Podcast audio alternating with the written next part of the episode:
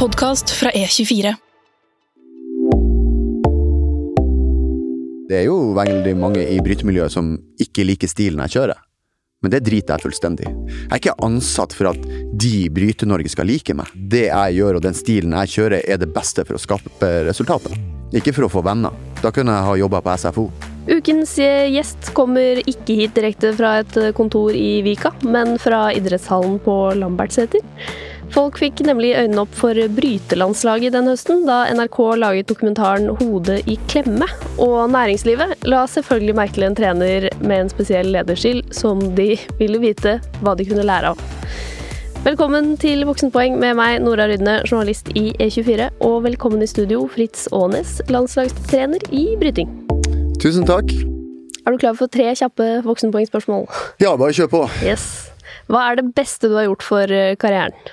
Det beste jeg har gjort i min karriere, var å bli brytetrener. Hva er det beste du har investert penger i? Oi, det må være, eh, det må være eneboligen min. Hva er det verste du har investert penger i? Oi, jeg tror ikke jeg har investert i så veldig mye som har gått dårlig. Jeg tror ikke jeg har noen sånne kjempebommerter, dessverre. De fleste pleier å svare bil. Ja, kan men jeg jeg er ikke noe sånn bilinteressert, så jeg har ikke kjøpt noen dyre, dyre biler. Nettopp, nettopp. Det har liksom ikke kjørt den eh, tabben der. Fritz, altså det beste du har gjort for karrieren var å bli brytetrener, men var det det du ville bli da du var ung? Nei. Eh, når jeg var ung, så skulle jeg bli olympisk mester i bryting. Og når jeg la opp brytekarrieren min, så skulle jeg slett ikke bli brytetrener. Ja. Så da eh, Når startet liksom bryteinteressen? Når skulle du bli olympisk mester? Du, det var ganske tidlig. Jeg fikk min første brytedrakt da jeg var to år, tror jeg jeg fikk av faren min. Jeg kommer fra en eh, brytefamilie i Narvik med både bryting på moren min sin side og faren min sin side, så Oi. det var ikke akkurat som jeg fikk velge sport. Det var når jeg var seks år gammel, så ble jeg kasta inn på brytematta, og der skulle jeg være. Ok. Både mor og far drev med bryting? Nei, ikke, mora mi drev ikke på med bryting, det var faren hennes som jeg er oppkalt etter, som heter Fritz, Aha. som eh, drev på med bryting, og faren min har drevet på med bryting, og et par av onklene mine også. Ja. Var de noe gode? Eh, ikke på det nivået som jeg var. Faren min ble vel norgesmester for junior i 1970. Ok. Så var litt av motivasjonen nå at du skulle bli bedre? Eh, jeg hadde vel ikke det som noe kjempemål, da, men det er klart det med en gang jeg ble norgesmester for senior, så var jeg jo gått ganske langt forbi han, og da var jeg vel 14 år, tenker jeg. ah, det var såpass? Mm. Er man senior når man er 14? Nei, men du kan, på den tida da, så kunne du delta på senior-NM når du var 14 år. Ok. Så det var det hele ungdomstida handlet om? Ja, det var egentlig Altså, jeg kommer fra en idrettsfamilie, og um, jeg drev på med fotball og bryting, da, hele veien. Og faren min var også brytetreneren min og fotballtreneren min. Så det er liksom, vi har aldri vært på noe særlig ferie når vi vokste opp. Jeg vokste opp med mamma og pappa i en enebolig på Ankenes rett utenfor Narvik, med to eldre søstre òg som drev på med idretter. Ja. Med fotball, håndball og bryting, da. Så, eh, men det er klart de hadde litt friere rolle enn det jeg hadde i forhold til hva de kunne velge. Så det var liksom bryting for meg. Jeg husker når jeg var 15 år gammel, så tok faren min meg til sides, og så sa han det, ja Fritz, nå må du velge om du skal satse på fotball eller bryting. Da jeg sa sånn, ah, ja, men da sier vi bryting, sa han. Så det var liksom ikke så mye valg for min, eh, del, da. Da var fotball en periode egentlig litt fetere? Eh, kanskje ikke fetere, men, men du vet når du er i ungdomstida i 14-15-16 år, så er det jo litt det her kameratskapet, og du vil henge sammen med guttene i klassen og spille fotball med de, og det var ikke så veldig mange i klassen min som var, var brytere og sånne ting, da. Så eh, klart, man hadde lyst til å henge med guttene, men jeg er jo glad i en dag i dag at han valgte meg inn på det sporet. Ja. For du, du hadde talent. Ja, jeg var jo ganske tidlig bemerka som et stort talent i Norge, da. Så eh, klart det som, som tiåring var allerede norgesmester blant de som var opptil 15 år, da. Og som 14-åring så var jeg norgesmester for senior, da. Ja. Så det var jo perioder der eh, jeg reiste rundt i hele Skandinavia og ikke tapte på to år og sånn. Der faren min da til slutt begynte å sette meg opp i alderstrinn og vektklasser for at jeg skulle tape. Oi, ouch. Ja, Hva syns du om det? Nei, det var egentlig bare Han ville lære meg å tape, for jeg begynte å bli en ganske dårlig taper. For å si det sånn, Det har ikke vært uh, min sterke side, for å si det sånn. Nei, men burde ikke en idrettsutøver være en dårlig taper, da? Jo, på mange måter, men det er jo greit å, å, for utviklinga også seg å bryte med de som er bedre enn seg, og lære av uh, tap òg. Ok, så måtte jekkes ned. Rett og slett. Men eh, vi snakket jo her før vi startet, eh, du spurte meg om eh, hvilke utdannelser jeg, jeg trodde du hadde. Ja. Jeg, jeg eh, svarte jo ingen. Men det stemmer ikke. Nei, jeg er faktisk utdanna plate- og sveisearbeider. Og det bestemte du deg for på videregående? Nei, det var vel ikke jeg som bestemte det. Det var faren min som skjønte det, at skole var ikke mitt nærmeste store felt. Altså, han kjørte meg på yrkesskolen, og så jobba han på en bedrift i Narvik som het LKAB, og han var også sveiser da. Så da kunne han liksom på sett og vis da garantere lærlingeplass til meg òg, så jeg fikk meg en utdannelse. Ah, ok. Men det, du hadde ikke lyst til det? Nei, det var vel helt ok, men det er klart jeg hadde lyst til å bli bryter. Jeg hadde lyst til å flytte til Oslo og gå på sånne brytegymnas og sånne ting, da, men uh, han holdt meg igjen for det, og så til at jeg fikk en utdannelse før han slapp meg ut. Ok. Hvor- Hvorfor? Nei, Det var vel fordi at han ville at jeg skulle ha noe å falle tilbake på hvis ikke idrettskarrieren gikk så bra. Men er det sånn at du kan tenke deg å bli sveiser etter hvert? Nei. Det løpet er kjørt. Ja, det kjørte jeg mange år siden. Herregud, jeg, jeg tror ikke jeg husker noen ting lenger. Ah, ok. Så det blir, det blir BI hvis du slutter som eh, Nei, det vet jeg heller ikke, men det er klart det når du ikke har sveisa siden du var 19 år og du er 43 år i dag, så har det jo skjedd en utvikling innen det yrket der som eh, Ja, så jeg tror ikke jeg er i nærheten av det. Men du syns det var så greit at du liksom du, du fortsatte? Du gjennomførte det? Du ble Ja, for jeg visste det at uh, altså hvis jeg skulle bli god bryter, så måtte jeg liksom ut, ut fra Narvik da, og flytte enten til Oslo eller Sverige eller videre ut da. Så jeg skjønte ganske tidlig at faren min pressa meg til det, at når liksom, du har fullført utdannelsen din, da skal du ut. Ja, nettopp. Men du stolte såpass på ham at, at det ikke ble noe bråk? Med liksom nå, faen i helvete, nå skal jeg til Oslo? Nei, det var vel altså Du må huske at på den tida der i Nord-Norge så hadde man respekt for foreldrene sine. Ikke nå lenger. Det er ikke sånn som det er nå, at barn har ting å si eller føle eller mene. Det er litt sånn nordnorsk kultur fra gammelt av. Da er det en sjef i huset. Nettopp. Selv om, eh, selv om eh, sønnen er 17 år gammel norgesmester bryter, bryting. Ja Men du eh, kunne jo antagelig liksom bretta faren din sammen til en liten ball og kasta ham ut der. Nei, det hadde jeg aldri tort. Han hadde det mentale overgrepet. Ja, det er klart. eh, Alle, alle barn skal ha respekt for foreldrene sine. Ok. Hm. Så når fikk du endelig liksom kjøre på med brytingen? Du, det skjedde det at eh, når jeg var 18 år, så var jeg på siste året som lærling, og da døde faren min. Eh, som har vært treneren min i alle år og fulgt meg og reist rundt nesten hele Skandinavia for at jeg skulle bli bryter da. Eh, han døde, og eh, det var ikke bestemt hvor jeg skulle reise eller noen ting, hvor jeg skulle fortsette da, men det endte opp med at jeg fikk kontakt med en klubb i Sverige to timer nord for Stockholm, så jeg flytta ned og brøt dit. Ok. Og så Da begynner det å gå veldig bra, så vidt jeg har skjønt av min research. Ja, det er klart det. Når du flytter til Sverige og blir fulltidsbryter, så får du jo muligheten til å trene med de beste i Sverige og de beste og reise rundt i hele verden, og du blir liksom fulltidsutøver da. Så da er, kan karrieren skyte ganske fort når du er 18-19 år da. Og det gjorde det jo også for meg da.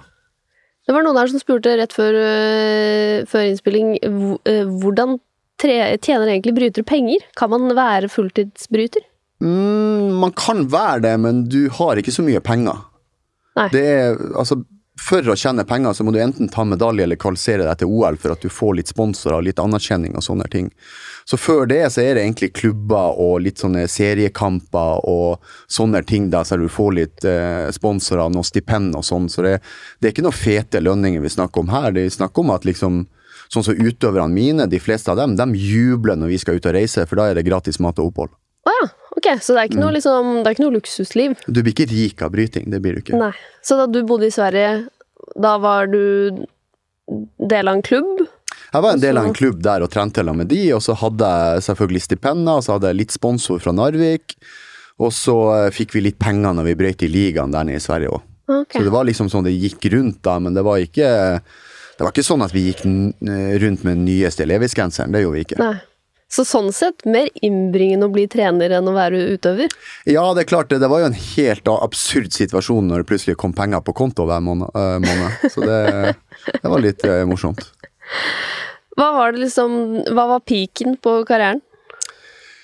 Peaken på karrieren, altså, jeg har jo hatt eh, Altså, klart det, når du, når du er 20 år og flytter til Sverige og satser alt, 19-20 år, og klart det, når du kvalifiserer deg som 21-åring til OL, så må jeg jo si det at det var peaken i karrieren min.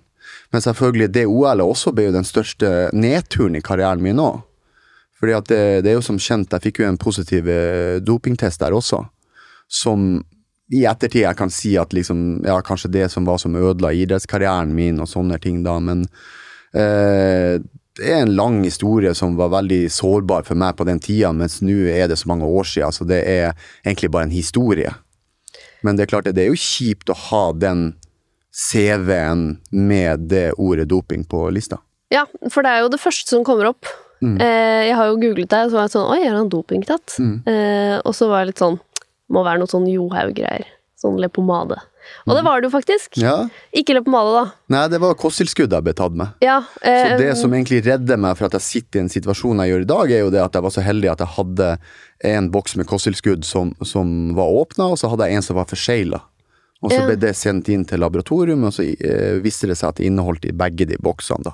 Ja. Hvis ikke så hadde jeg aldri sittet i den stolen her i dag.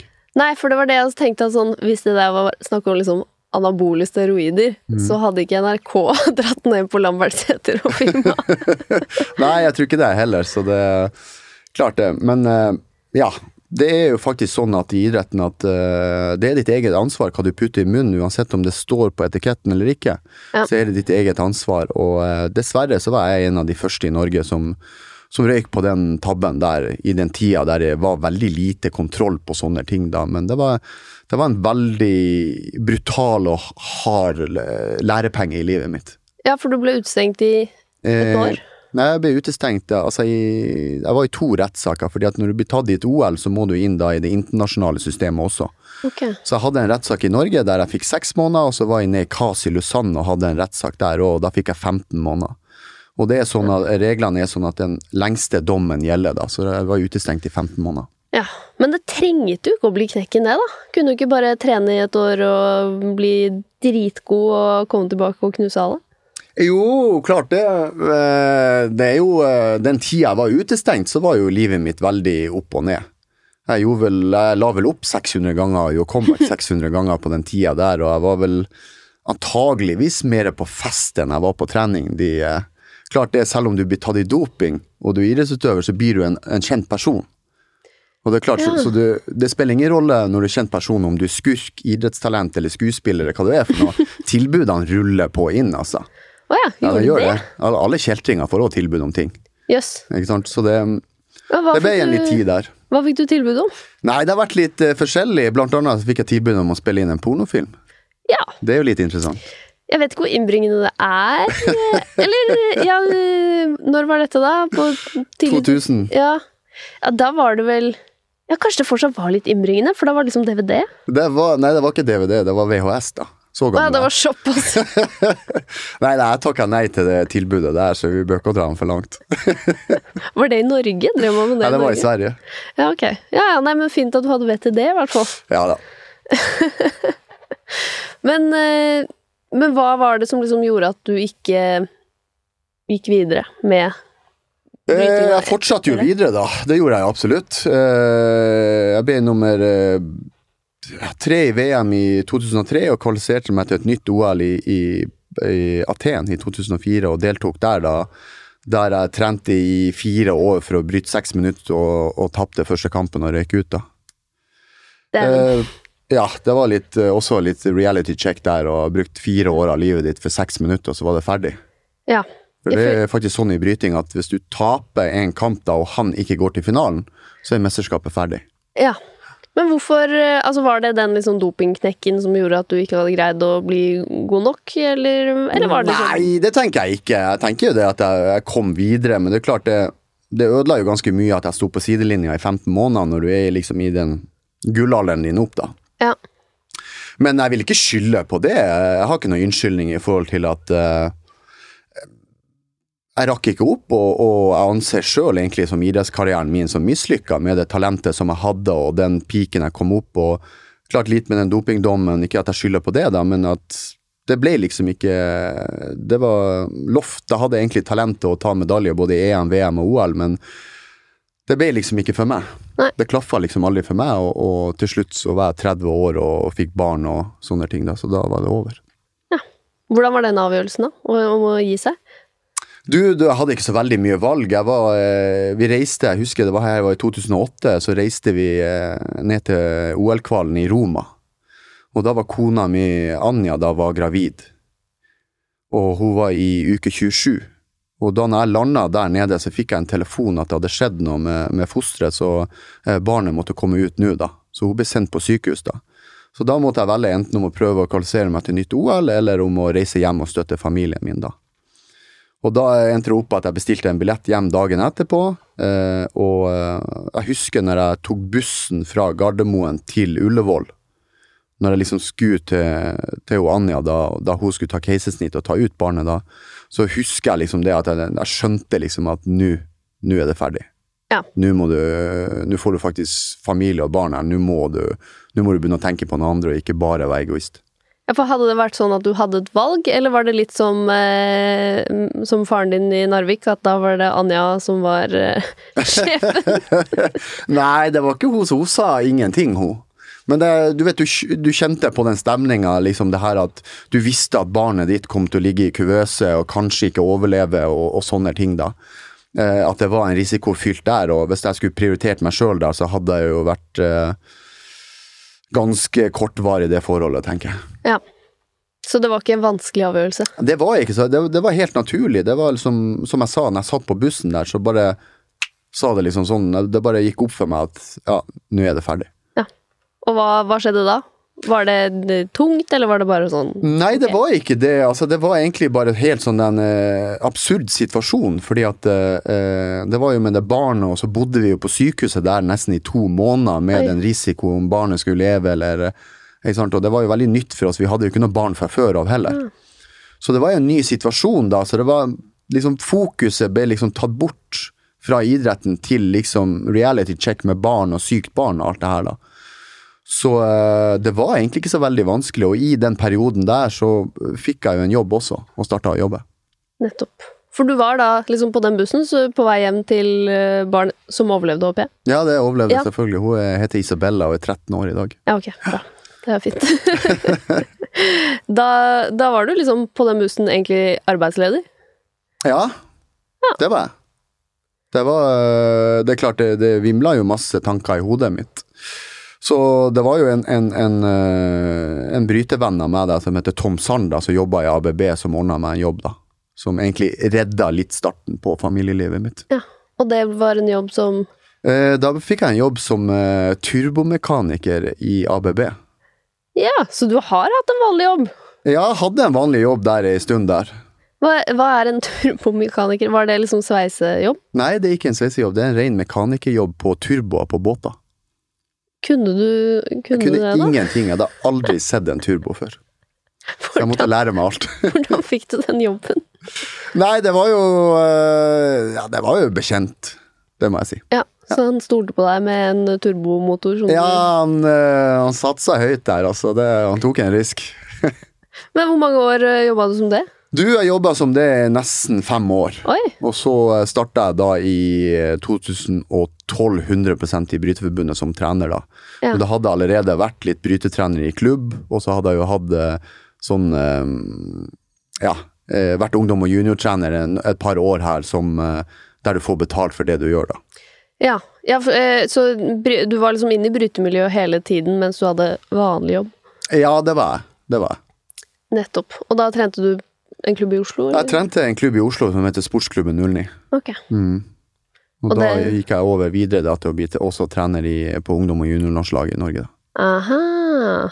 Og likte du å være turbomekaniker? Eh, ja, det, det, det var egentlig en helt grei jobb, men du vet, jeg hadde ikke noe andre valg i livet mitt heller. For jeg hadde Nei. en familie, og jeg hadde, jeg hadde den sveiseutdannelsen òg. Så det var liksom ikke som at jobbene sto i kø, eller at folk sto og ropte borti gangen 'Hei, Fritz, kom hit og jobbe'. Så det var liksom den muligheten jeg hadde der, og det måtte jeg ta vare på. Hadde jo en pornokarriere, men eh, Ja, men den var jo noen noen år siden jeg hadde kasta den ut vinduet. kunne ringt opp igjen. men eh, trener, altså når kom den ideen? Var det noen som spurte deg 'hei, vil du være trener', eller var det noe du tenkte det, Det Nei, jeg jeg skulle aldri bli trener, jeg. Nei, fordi Eh, var det, som sånn er, Jeg kan fortelle historien, for det, det som er litt morsomt, det er jo det at eh, begge ansettelsene jeg har blitt som trenere, har vært når jeg har vært full. Ja. Det er faktisk litt spesielt å si det, men eh, det som skjedde første gangen, det var det at i sportsklubben 09, der jeg også trente da, så var det en trener som heter Jørgen Johansson, som trente meg når jeg trente med den klubben da. Eh, vi hadde et julebord, det her var i 2009. Eh, jeg hadde jo lagt opp karrieren min og, og trente med dem, da, hjalp han litt. Grann, da. da på julebordet han plutselig reiser seg opp, og så takka han av for seg sjøl som trener. Da Da alle var bare helt stive i blikket. liksom, Hva som skjer nå? Der han bare peker over til meg og sier at uh, jeg, jeg går av nå, han Fritz tar over. Han er den nye treneren deres. Og jeg kikker meg rundt og så sier jeg, nei, det er jeg ikke. Han bare jo, på mandag starter det. Og så ho-ho, og så lo vi, og så kom mandagen, og så hørte jeg ikke noe mer. Så jeg var litt usikker, så jeg pakka bagen og så dro jeg ned på treninga. Liksom, er jeg trener eller ikke trener? For jeg torde liksom ikke å si nei heller. Og da jeg kom ned, så sto alle guttene klare. Ja, hva vi skal gjøre i dag? Så heldigvis hadde jeg forberedt meg. Du hadde det. Tilfelle. og andre gangen, det var jo um, eh, Jeg var på et nachspiel på et hotell ute på Kolbotn, faktisk, med han som er president i dag, Ørjan Weibenberg. Eh, han var da Han var sportslig leder for ungdom og junior da, på landslaget da. Og det var også sånn på nachspiel. Ja, Fritz, du skal bli landslagstrener for ungdom og junior. Nei, det skal jeg ikke. Så omtrent sånn klokka fem-seks-tida på morgenen der, så takka jeg ja til jobben. Så men hvorfor ville du ikke bli trener? Bortsett fra i fylla?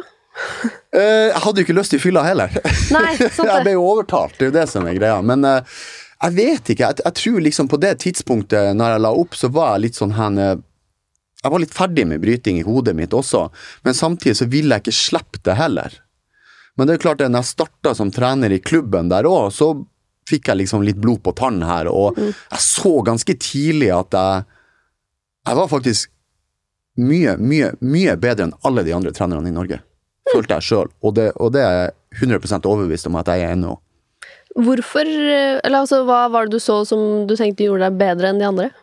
Eh, jeg hadde bedre system enn dem, jeg hadde bedre opptrening, jeg tenkte på detaljer, jeg trente utøverne etter de reglene som var nå. Forandra reglene sine, så forandra treningsprogrammene mine for å utnytte reglene mye bedre og sånne ting, da. Så den, den helheten der med tanken hvorfor du trener det du gjør på trening, og hvordan du legger opp treninga etter så hvor mange kamper du skal gå og hvor lang periodene er. For på den tida så forandra reglene seg litt, og lengden på kampene forandra seg også litt. Grann. Og jeg tror jeg var den eneste som tenkte på det. Hvordan ble du landslagstrener? Oi, det endte vel opp med at, uh, at jeg hadde ungdom og junior, da.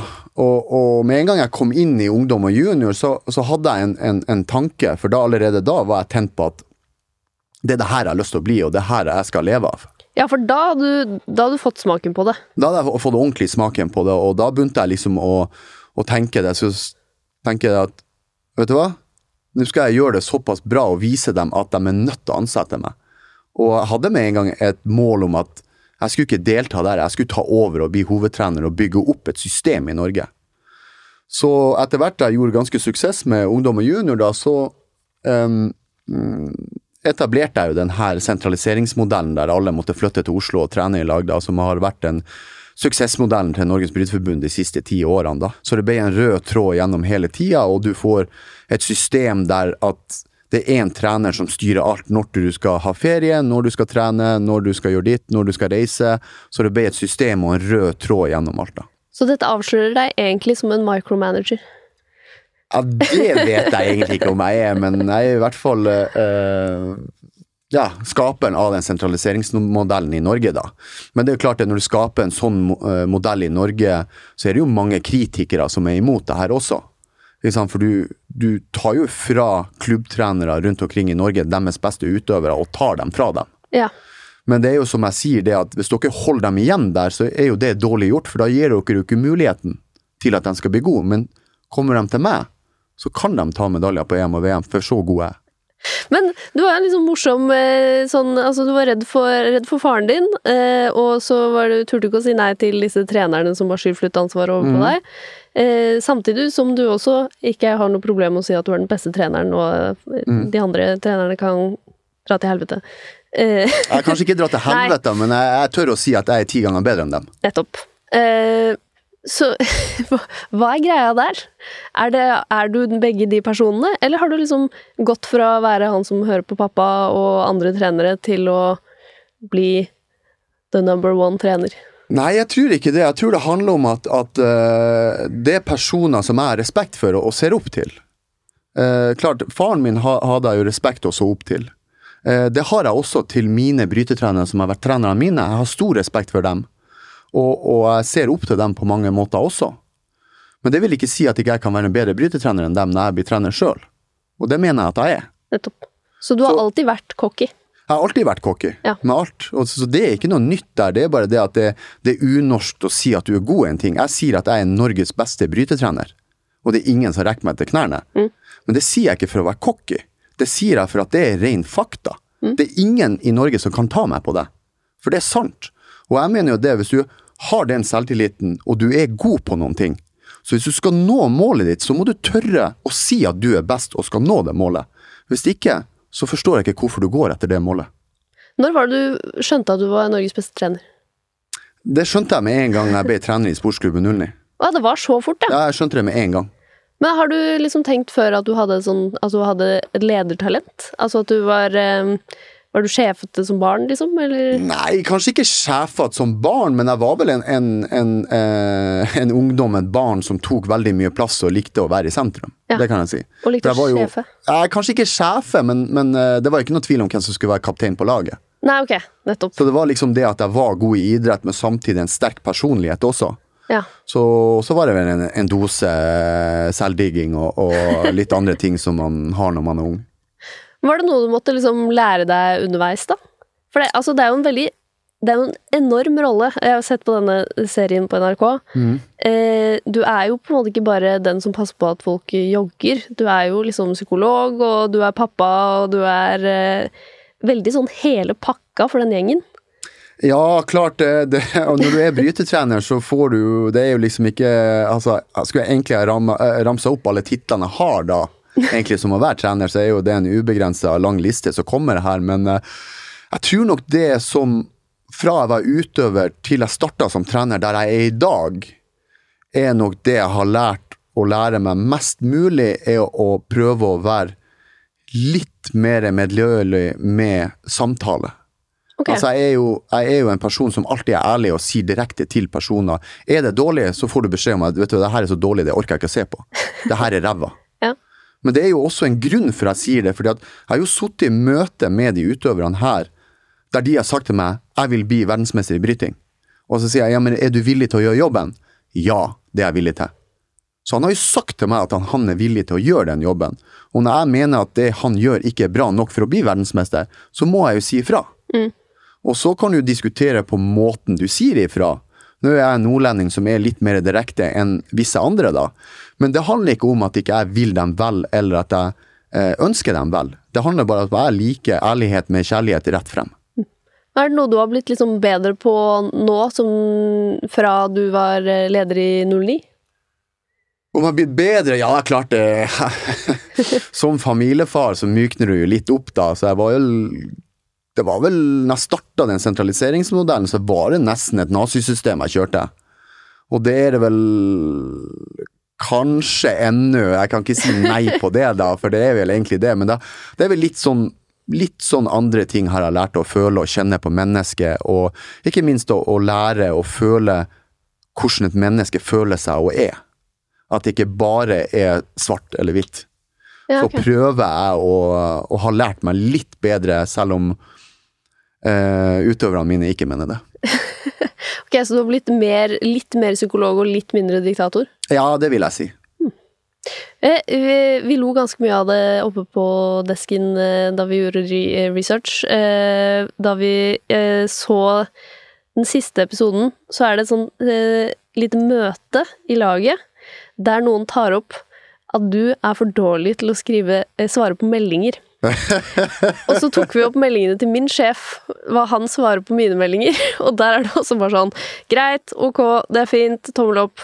Eh, så er det sånn Ja. ja, Føler du deg sett av lederen din, Nora? sånn, ja, jeg har egentlig ikke noe problem med det. Så, hvordan takler du liksom sånne tilbakemeldinger? Du, jeg ser det egentlig som helt uinteressant. Fordi at jeg, jeg, jeg orker ikke å surre rundt og skrive masse. Altså Enten er det greit, eller så er det ikke greit. Enten er det tommel opp, eller så er det tommel ned. Enten så er det nei, eller så er det ok. Ja. Jeg behøver ikke ha en lang diskusjon med en person eh, på meldinger. Hvis det er når du vil, da kan vi ta det på trening i morgen. Og da vet de det blir nei uansett. Så det er jo egentlig en litt sånn den eh, Utøverne mine prøver å skrive lange meldinger til meg for at de tror de får bedre sjanse å få fri, eller får meninga si. Ah, Derfor orker jeg ikke å diskutere med dem, så jeg skriver ofte OK eller nei eller tommel opp. ja, ikke sant. Så det ble, det ble bare en forklaring av at det, det Ja, så, så må du også huske det at, at når du er trener, da, så har du Du har én telefon, men det er 14 telefoner som sender meldinger til deg. Ja, Så du har ikke tid å sitte og, og, sende lange meldinger til Altså, er du så følsom at du må ha sånn lange eh, svar og tilbakemeldinger, ja, men ring meg, da. Ikke send melding. da tar du telefonen. Jeg tar telefonen 24 timer i døgnet for utøverne mine. Ja, ja, ja. ok. Så, det, så enkelte krav du får, er det bare sånn nei, nei. Ja, jeg bruker bare svaret nei. Jeg tenkte da jeg så det at sånn, eh, her er det en hack. Eh, hvis du har eh, utøvere som føler at du er for ufølsom på melding. Emojis. Emojis. Ja, Jeg har begynt å bruke det òg. Ja. Altså, mest en tommel opp. Greit. ja. Men da kan du slenge på et sånn hjerte bak. Nei, det gidder jeg ikke. Så blir det, da blir det ingen Nei, det går ikke an, for da tror de ikke det er jeg som svarer. Ja, dette må jeg introdusere som en ny stil. Men har du lagt merke til at, eh, at næringslivet eh, lurer på hva de kan lære av deg? Du har eh, lagt merke til at det er en del av de som har kontakta meg, da, og jeg har sett at det har vært skrevet noen reportasjer om, om det er relevant, den stilen som jeg kjører, om den er relevant i næringslivet. Det har jeg fått med meg. Hva syns du? Jeg syns jo det er veldig festlig. Eh, næringslivets eh, evige interesse for liksom, idrettstrenere. Eh, hva tenker du når du ser liksom, kronikker om deg i Dagens Næringsliv? Eh, du, jeg, jeg har ikke lest det. Du har ikke det, nei? Jeg har bare sett at det er der, så jeg har ikke vært inne og lest det. Men eh, det er jo klart det Jeg vet ikke. Jeg, jeg tror uansett om du driver på med idrett, eller om du driver på med business, eller om du er leder, eller uansett hva du holder på med, så mener jo jeg det. Det er derfor jeg kjører den stilen jeg har, at det er den beste. At det er direkte tilbakemelding og ærlighet som gjelder. Enten funker det, så funker det ikke. Enten er det bra, eller så er det ikke bra. Hvorfor skal jeg si noe annet? Jeg forstår ikke de som baker det inn og prøver å være politiske. Ja, men øh, det verste jeg hører, det er det der Ja, det var et bra innspill. Slutt å si at det var et bra innspill. Ta helt si at det likte jeg ikke. Det blir ikke noe av. For det, det var et bra innspill. Det, det er det verste jeg hører. Ok. For det er egentlig bare et hyggelig svar på at det er jeg ikke interessert i. Men hva er liksom nøkkelen for å få eh, folk til å prestere? For det er jo det næringslivsledere vil vite. Hvordan, hva kan vi lære av idretten for å få folk til å prestere på topp? Ja, altså, jeg tror for å få ei gruppe til å fungere har, Nå har jeg en treningsgruppe, da. Så jeg tror det viktigste er av alt det er like regler for alle. Uansett om du er stjerna eller han som er nederst, Ja. så må alle ha like regler i samme lokal. Det nytter ikke om du er Stig André Berge og har OL, EM og VM-medalje. Han må ha samme regler som han som er 19 år som akkurat kom inn. For hvis han på 19-åringen skal hjelpe han Stig til å bli bedre, så må han også han Stig hjelpe han 19-åringen til å bli bedre. Ja. Så du får da en, en dynamikk i laget der alle jobber mot samme mål, og alle unner hverandre suksess. Det er derfor jeg alltid sier det at når vi vinner medaljer, så er det ikke den personen som vinner medaljer, det er treningsgruppa vår som vinner den medaljen. For alle har samme regler, alle skal yte likt, og alle har samme muligheter. Hvordan greier du det, da? Ikke, for jeg, jeg regner jo med at det er veldig eh, vanskelig i et sånt lag, og det er det jo på mange arbeidsplasser òg, å ikke skape divaer. Eh, Det, selvfølgelig er det problemet der. Jeg har jo diskusjoner så det ryker med utøverne mine. Men det handler om at, at eh, du får det du fortjener. Og hvis du har fått noen annen i andre, så må du gi det tilbake til de. Mm. Det er en grunn for at du har blitt god. Det er jo for at noen som var bedre enn deg, har hjulpet deg til å bli god. Ja. Da skal du gi det samme til de andre som kommer bak. Og du blir ikke best hvis du ikke gir noen andre noen ting. Fordi at hvis du gir én ting i en gruppe på ti personer, så kan du få ti ting tilbake. Så du må rett og slett minne dem på liksom, at det ikke blir Hele sånn tida hadde blant annet i går en lang krangel med Tåsenplogen om han ville ha spesialbehandling, og det får han ikke. Å ja. Og da sier du liksom det, du må være der for gruppa. Jeg Det- sier at han må bidra for gruppa, men det er jo ikke bare Tåsenplogen. Det her, Nå sa jeg bare et eksempel, Ja, ja. men det er jo mange av de andre òg. For at Alle vil alle vil ha eh, særbehandlinger. Alle vil ha ekstra oppmerksomhet fra meg. Alle har lyst til å få noen ting som de ikke andre får. Sånn er mennesker bygd. Men syns du det er vanskelig da å ikke ha favoritter? Jeg har favoritter. Ja. Syns du det er vanskelig å ikke forskjellsbehandle dem? Eh, altså, forskjellsbehandlere, forskjellsbehandlere, det, det handler jo om at de som presterer mest, får jo mest oppmerksomhet. Ja. Det er jo naturlig. Men det vil jo, det vil jo ikke si at ikke du får muligheten til å overbevise meg at du er best. Så det er jo alltid det også innen ei sånn gruppe, så vil det jo vil det jo bli sånn at du får jo bedre kjemi med visse utøvere enn du gjør med andre. Men det som er litt interessant å se, det er jo det at ofte de du får best kjemi med, er jo de som er best. Ja. Så det handler jo litt mer om at de som er best, klarer å tilpasse seg, og ikke minst eh, stole på deg, så de åpner seg 100% til deg, så du får full tilgang både til eh, trening, familie, eh, hvordan han føler seg, eh, ja, alt mulig i livet. da. Og det er ganske viktig også å, å um, føle at de stoler på deg også, inn, innenfor det vi eh, skal gjøre, og at vi har eh, samme mål, da. Ok, Så det de kan gjøre for å få den lille forskjellsbehandlingen som er mulig å få, er rett og slett å imponere. Ta seg Ja, sammen og bli de må imponere meg, det må de absolutt. Det er klart. Eh, det er alltid krig om å få mest oppmerksomhet fra treneren. Mm. Sånn er det jo alltid, og det er jo klart det. Eh, jo mer jeg klarer å vite om privatlivet deres, jo mer positivitet er det for meg. Jo mer info har jeg. Ikke sant? Eh, ta et eksempel sånn som, som, som Stig, da, som jeg har vært trener til mange år og hatt ganske mye suksess med, da, er jo eh, blant annet kona hans Rosell. I perioder så har jeg jo snakka mer med kona hans enn med han. Oh, ja. For å høre jeg- hvordan han føler seg. Ja, hvordan han har det, hvordan han føler seg. Eh, kan forresten sende melding på morgenen og spørre er han klar for trening. Hvordan er det nå, hvis jeg vet det har skjedd ting. Ja. Så kan hun svare meg i dag har han en tung dag. Og da vet jeg når han kommer på trening at eh, da må jeg få han i gang litt og mykne han litt opp før jeg begynner å kjøre de verste nordnorske vitsene. Ikke sant.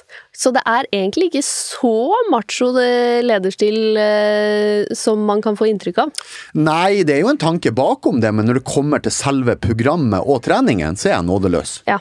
Men det er jo klart, jeg er jo også nødt til å forberede meg til trening og vite om de er klar for det de skal gjøre, Ja. eller hvordan jeg skal få dem til å bli klar for, og gjør det som jeg har lyst de skal gjøre.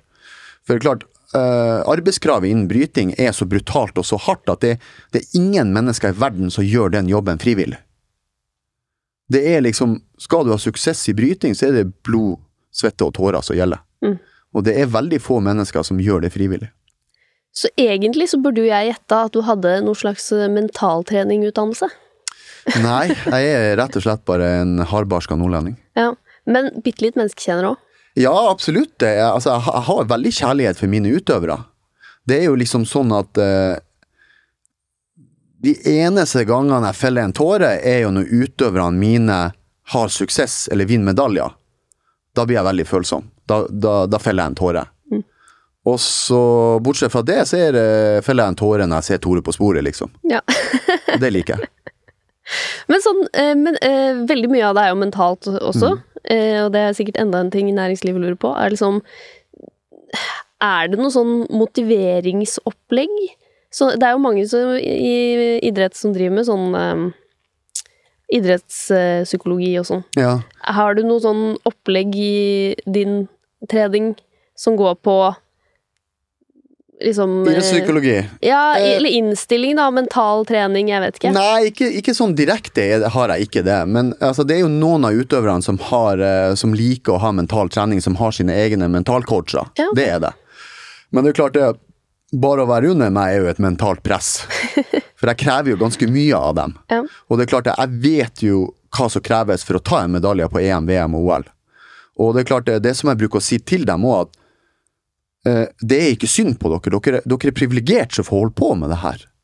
Og, og hvis jeg skal bruke hele tida mi og ofre hele livet mitt på at dere skal bli gode, så forventer jeg det samme av dere.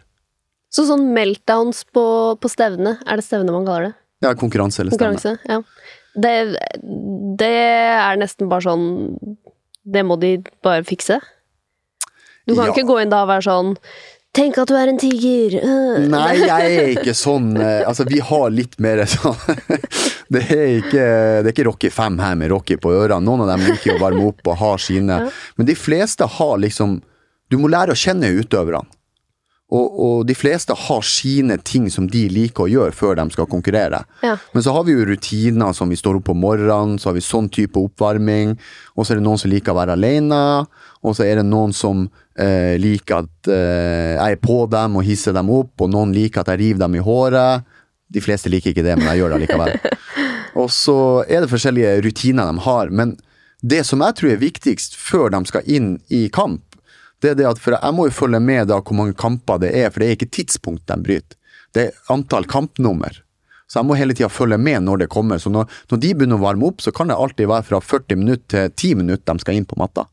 Så den perioden må de gjøre seg klar.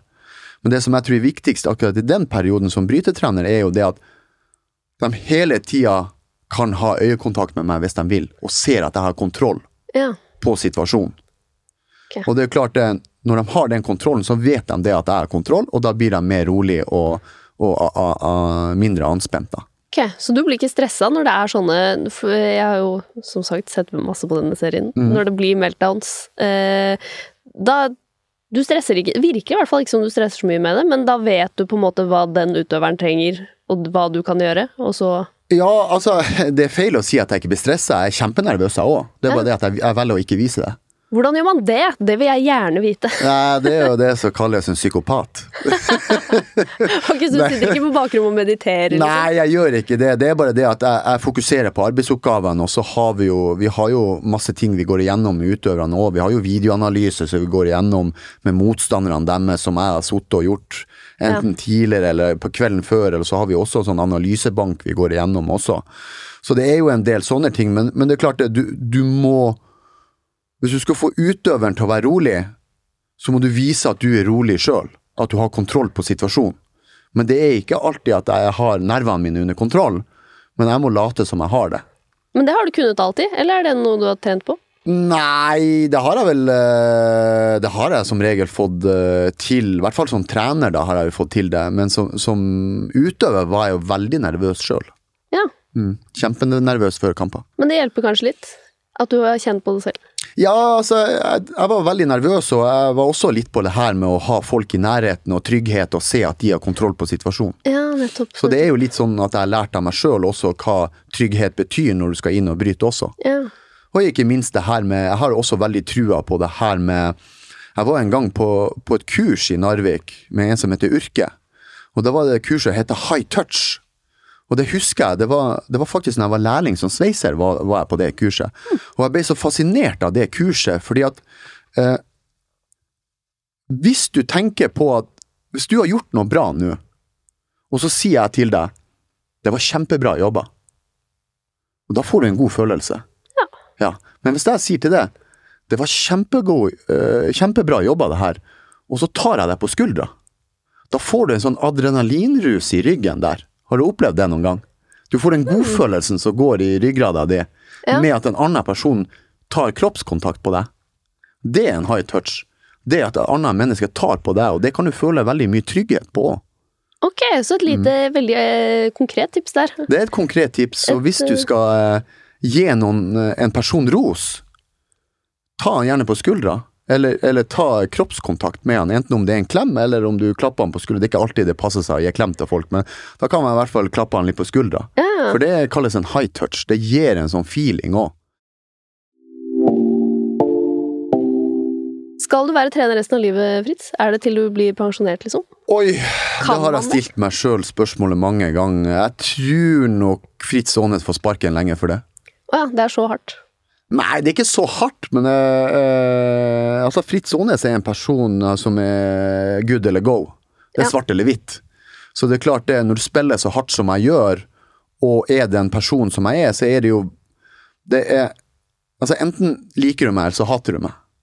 Det er enten svart eller hvitt med Fritz Aanes, og, det- og det er jo ikke noe hemmelighet at det er mange som ikke liker meg som person. Jeg har inntrykk av at eh, de aller fleste både elsker og hater deg. Eh, ja, det er vel kanskje litt av det, begge delene. Men det er jo veldig mange, spesielt i, det er jo veldig mange i brytemiljøet som ikke liker stilen jeg kjører. Men det driter jeg fullstendig i.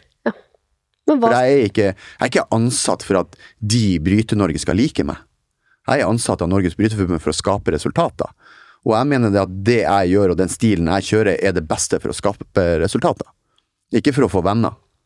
Da kunne jeg ha jobba på SFO. ja. Men da er det vel egentlig sånn at du kommer til å si opp lenge før du får sparken.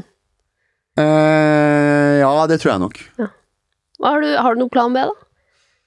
Jeg tenker jo motivasjonscoach. Ja, jeg, jeg har egentlig ikke noen plan B direkte nå, det har jeg ikke. Nei. Jeg har dessverre ikke det. Jeg skulle ønske jeg hadde det. Og jeg bør vel kanskje begynne å tenke på det, men eh, akkurat nå så digger jeg å være brytetrener. Og jeg mener jeg kan skape mye idrettshistorie fremover. Og så er jo mitt tips, eh, som veldig mange andre idrettsutøvere og idrettstrenere, de går jo over til å tjene mye penger på å holde sånn kurs. Sånn Mm, men jeg tror det er kjedelig. Ja, men det må du ikke Det må du, det må du gjøre sånn som når du er nervøs. Du må bare du må, Du må putte det i en boks bak og være sånn Dette er dritbra, sånn lykkes du som låseansvarlig på SO, og det Ja. Ja, men jeg, jeg tror også det at, at mennesket som jeg er, altså den jobben jeg skal ha, det, det må være noe jeg brenner for. Altså, altså hvis Det hjelper ikke for meg hvis du tjener mye penger og det er dritkjedelig. Da blir ikke jeg klar å gjøre det. For det, det, det har ingen hensikt. Da kan jeg heller gjøre noe annet der jeg trives. Eller noen ting jeg brenner for, eller noe jeg kan utvikle, bygge eller prestere. Å bare gjøre en jobb for penger, det, det, nei, det hadde jeg aldri gidda. Du får ha et intervju til eh, når du sier opp deg selv, for å finne ut hva du skal Når gjøre. jeg sparker meg sjøl som trener. Litt eh, karriereveiledning der. ikke sant? Helt til slutt, eh, Fritz, hvis du kunne gått tilbake i tid og gitt eh, 20 år gamle deg selv et råd, hva ville det vært? Hva ville det vært? Eh, det tror jeg hadde vært uh, å bli voksen. Fortere. Fortere. Du er voksen nå. Ja, nå er jeg en gammel mann. Tusen takk for at du kom hit i dag, Fritz Aanes, altså landslagstrener for uh, brytelandslaget. Tusen takk for at jeg fikk komme. Produsent i dag, det var Kristine Masdal Odne. Og hvis du f.eks. vil lese skoledagboka til Fritz, så må du gå og følge oss på Instagram. Der heter vi Voksenpoeng med Nora.